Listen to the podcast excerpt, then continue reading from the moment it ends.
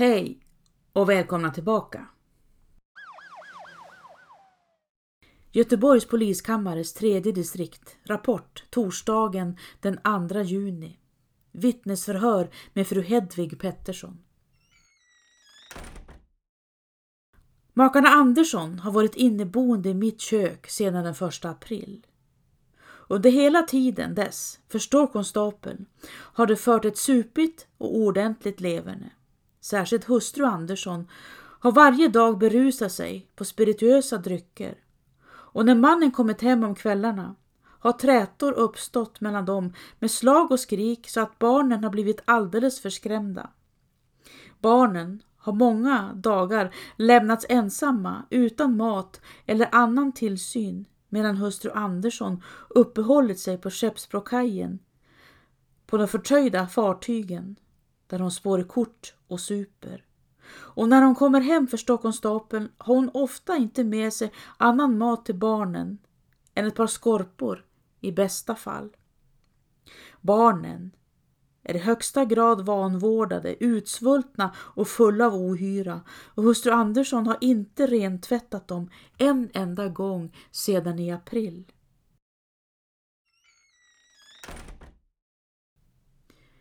Poliskammarens beslut. Barnen, två och fyra år, omhändertas av fattigvården med omedelbar verkan.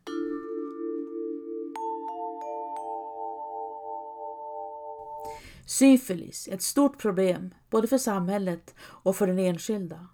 Och för att minska smittspridningen inför man reglementeringen i vissa svenska städer i mitten av 1800-talet, bland annat i Göteborg.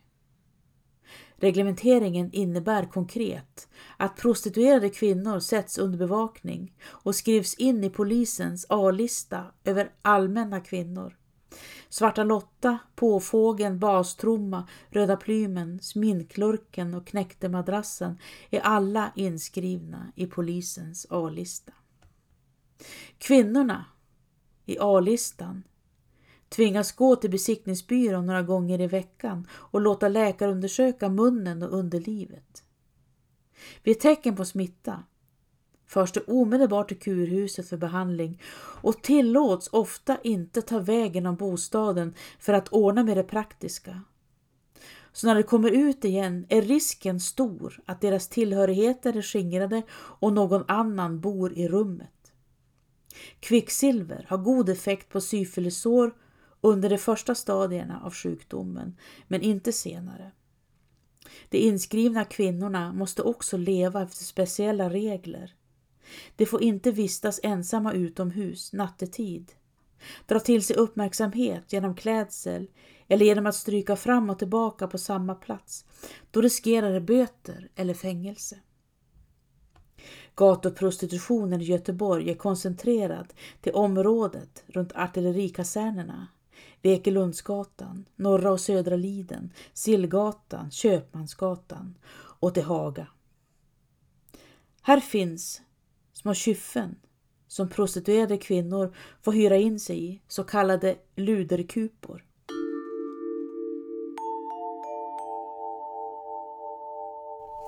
Åtgärderna med regler och läkarundersökningar är till för att minska smittspridningen av könssjukdomar.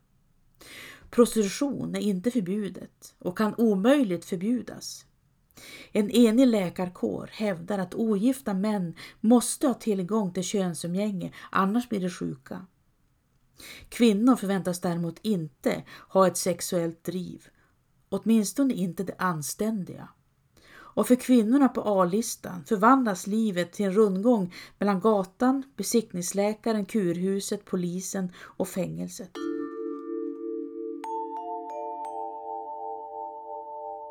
Hushållsarbete är tungt. Det är dåligt betalt och har låg status. Ju yngre kvinnan är när hon kommer ut ensam i livet, desto större är risken för att hon ska slås ut. Lovisa Henriksdotter från Borås flyttar till Göteborg vid 15 års ålder och arbetar som piga i några år innan hon skrivs in i polisens A-lista.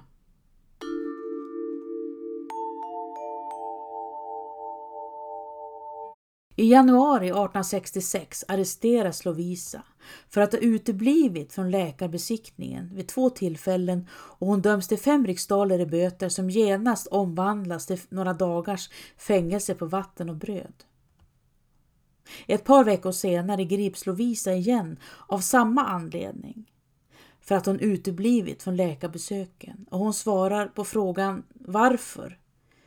Jag hade inga skor att ta på mig.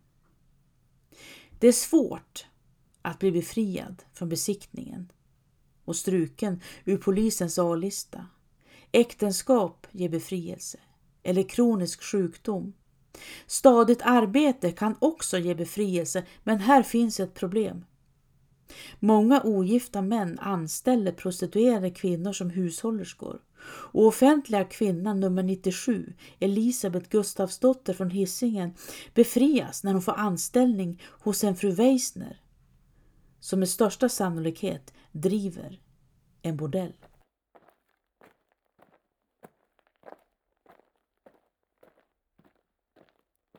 Syfilis en långsamt verkande sjukdom som dyker upp i glesa skov och förvärras för varje gång. I slutskedet angrips hjärnan med sinnessjukdom och förlamning. Syfilis, eller lues, eller paralysis general är en vanlig diagnos på landets hospital och mentalsjukhus. En lues-patient är 57-åriga Inga Kristina från Falköping. Hon har bott i fattigstugan under hela sitt liv och ständigt, även under sitt äktenskap, haft umgänge med alla män som velat. Efter makens död brukade hon hålla till i en liten jordkula nära landsvägen där hon tog emot lösdrivare. Hennes sinnelag har alltid varit glatt och livligt. Men efter midsommar 1882 förändrades hon och blev grubblande och orolig och allt mer besatt på tanken om äktenskap. Till slut gick hon till kyrkan i hopp om att hitta en man att gifta sig med. Efter inläggningen på hospitalet anser Inga Kristina att hon är präst och vill viga sina medpatienter. På nätterna tror hon sig vara man och försöker krypa ner hos de andra kvinnorna. Några veckor senare börjar gången svikta. Hon blir allt mer orörlig och ligger till slut till sängs helt förlamad.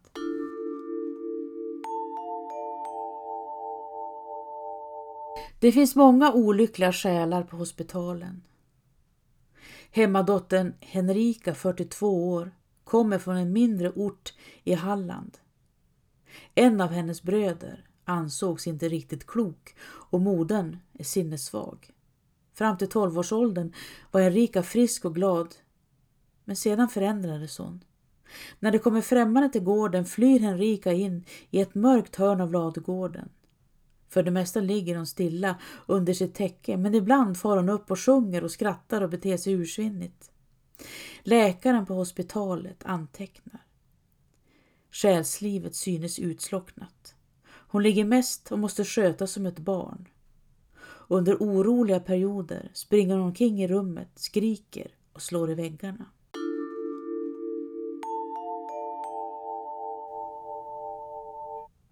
Katarina Elisabeth, 30 år, är uppvuxen i Göteborg. I 20-årsåldern hade hon anställning i Kungliga Operans kör. Hon var alltid stilla och tålmodig, men så försvann hon. Katarina Elisabeth gick utan förvarning till Dalsland och tänkte sedan fortsätta med båten till Stockholm. På hospitalet är hon stilla och prydlig.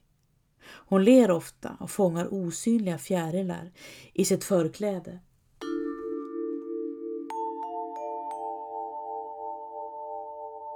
Hagaheden är ett ödsligt mörkt och nedgånget område. Här bor och äger Inga Nilsson och hennes make, kammakargesällen Nils Nilsson, en fastighet. Själva bor de i minst två rum med förstuga och resten hyr de ut till ett löst klientel av avdankade personer. Nils Nilsson häver i sig kopiösa mängder brännvin och är full för det mesta. Det är alltid ett himla liv hemma hos Nilssons och det döms flera gånger för orenligheter på gården. De låter skräp och farliga ämnen ligga framme under långa tider och en gång svämmade gödselkistan på avträdet över så att innehållet rann ut över marken. Medan Nils Nilsson ligger utslagen tvingas Inga sköta försörjningen och hon drar sig fram som månglerska, slakterska och potatiskärring efter bästa förmåga. Månglerskorna kommer ofta i bråk med varandra. Okvädesorden regnar som småspik. Kuta, gröna stycket, fyllemärr, tjuvhona.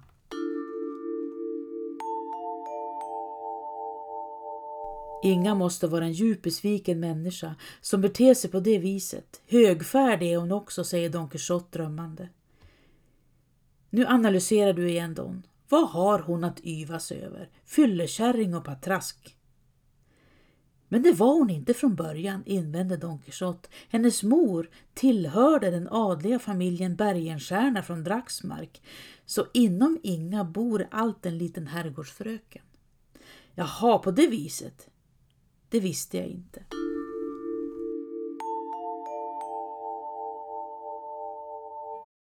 Ett av rummen hyrs av ogifta fröken Sofia, prostituerade kvinnopersonen Elisabeth, hennes barn samt en avskedad artillerist vid namn Stål. En kväll tar Inga Nilssons ilska överhanden och hon börjar dra i dörren. Kvinnopersonen Elisabeth berättar. Nils Nilsson satt i arresten och var full som vanligt. Inga Nilsson blev som tokig den kvällen. Hon kastade in tegelstenar genom glaset i dörren. Det träffade nästan ett av barnen. Suptryne, skrek hon åt oss. Suptrynen! Sedan lyfte hon av dörren och drämde den i golvet och där fick den ligga till Nils Nilsson kom hem två dagar senare och satte upp den igen. Nils Nilsson dör vid 44 och Inga Nilsson vid 51.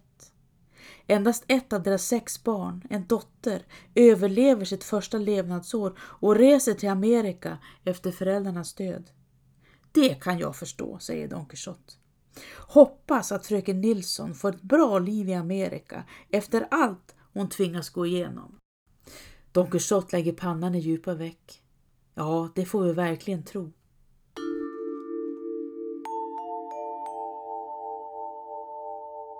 I slutet av september 1863 knackade på dörren hemma hos Inga Nilsson. Utanför står kvinnopersonen Lovisa Lundgren som hyrde rum hos Nilssons för några månader sedan. Men hur är det fatt? säger Inga Nilsson. Lovisa mår uselt och undrar om hon kan slå sig ner och vila sig en stund. Inga Nilsson arbetar i rummet intill och erbjuder henne att slå sig ner i förstugan. Inga återgår sedan till arbetet igen. Men efter en stund går hon tillbaka till förstugan för att titta till Lovisa. Dörren står på vid gavel och både Lovisa och en blårandig nystruken bomullsklänning som hängde på väggen är borta.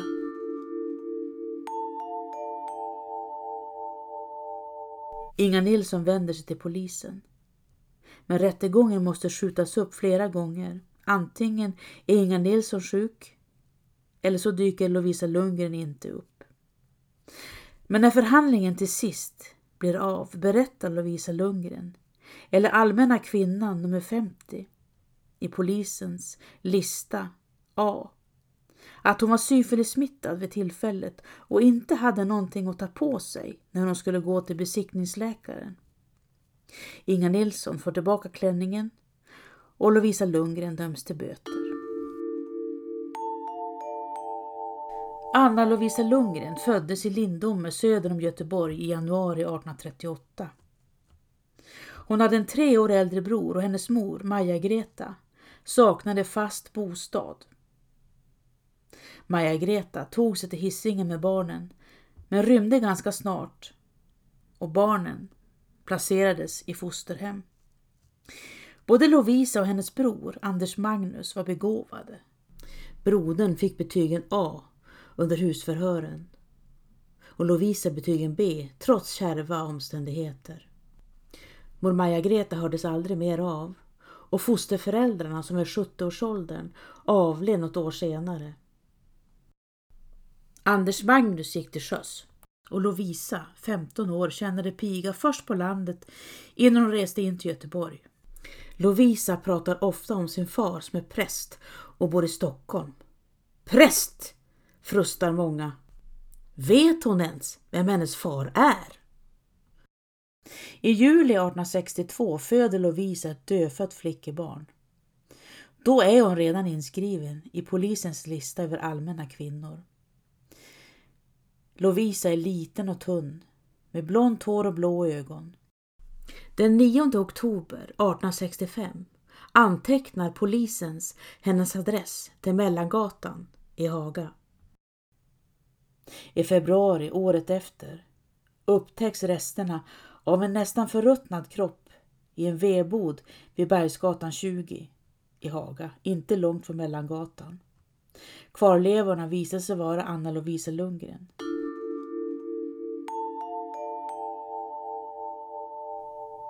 Den stora ökända träkåken på Bergsgatan 20 är riven sedan länge. Här bodde de flesta av stadens påvra individer åtminstone under en kort period. Många stannade i några veckor bara, medan andra blev kvar under en längre period. Det var ett ständigt rännande i trapporna på Bergsgatan 20 och det är svårt att begripa hur en vedbod kunde stå öde så länge som Lovisa Lundgren måste ha legat där. Förmodligen fanns hon i vedboden redan i oktober 1865 när polisen antecknade hennes bostadsadress till Mellangatan.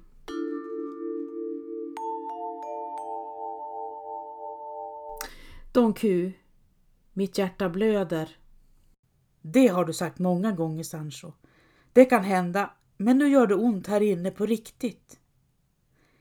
Sluta upp med det där. Fastna inte i eländesträsket. Det är lätt att säga. Det har jag gjort för länge sedan. Hade Lovisa Lundgren ingen annanstans att ta vägen än till en vedbod? Sancho! Somliga går med trasiga skor. Säg, vad beror det på? Ja, djävulen som nere i helvetet bor får sig i alla fall ett gott skratt. Men Sancho, det finns det som inte går omkring i trasiga skor utan glider runt i silkestofflor. Spana mot dem istället.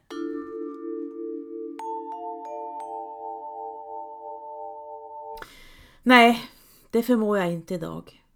Det får bli en annan gång.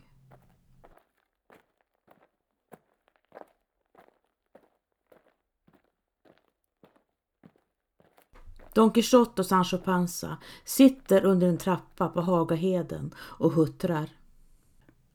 Det har inte kommit mycket längre och mörkret vilar tungt runt dem.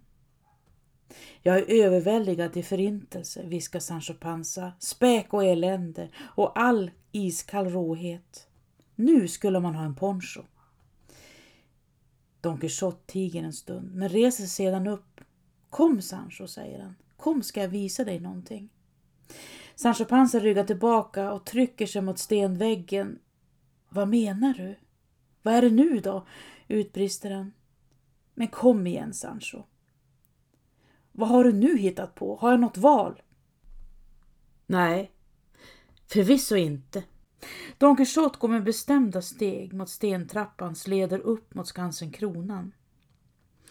Sancho Panza lyfter blicken mot skyn och noterar hur borgen skymtar uppe vid himlen. Nej, säger han. Nej, Don, du kan inte mena allvar. Följ efter bara, ropar Don Quixote och ta ett skutt upp på första trappsteget. Don Quixote och Sancho Panza klättrar upp för trappan, hivar sig vidare trappsteg efter trappsteg. Ska vi ända upp till månen eller vad är det frågan om? ropar Sancho Panza. Vänta på mig. Jag vill inte mer, inte ett trappsteg till. Jo, kom nu.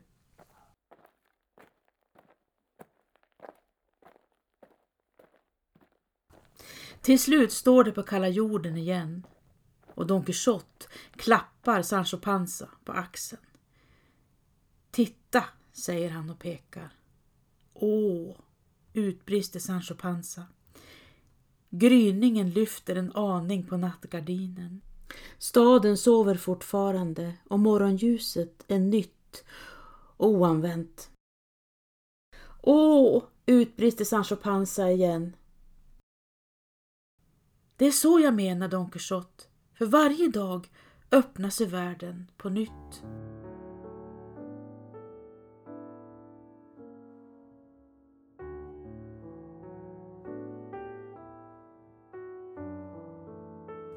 Det var allt från mig idag. Tack för att ni lyssnat.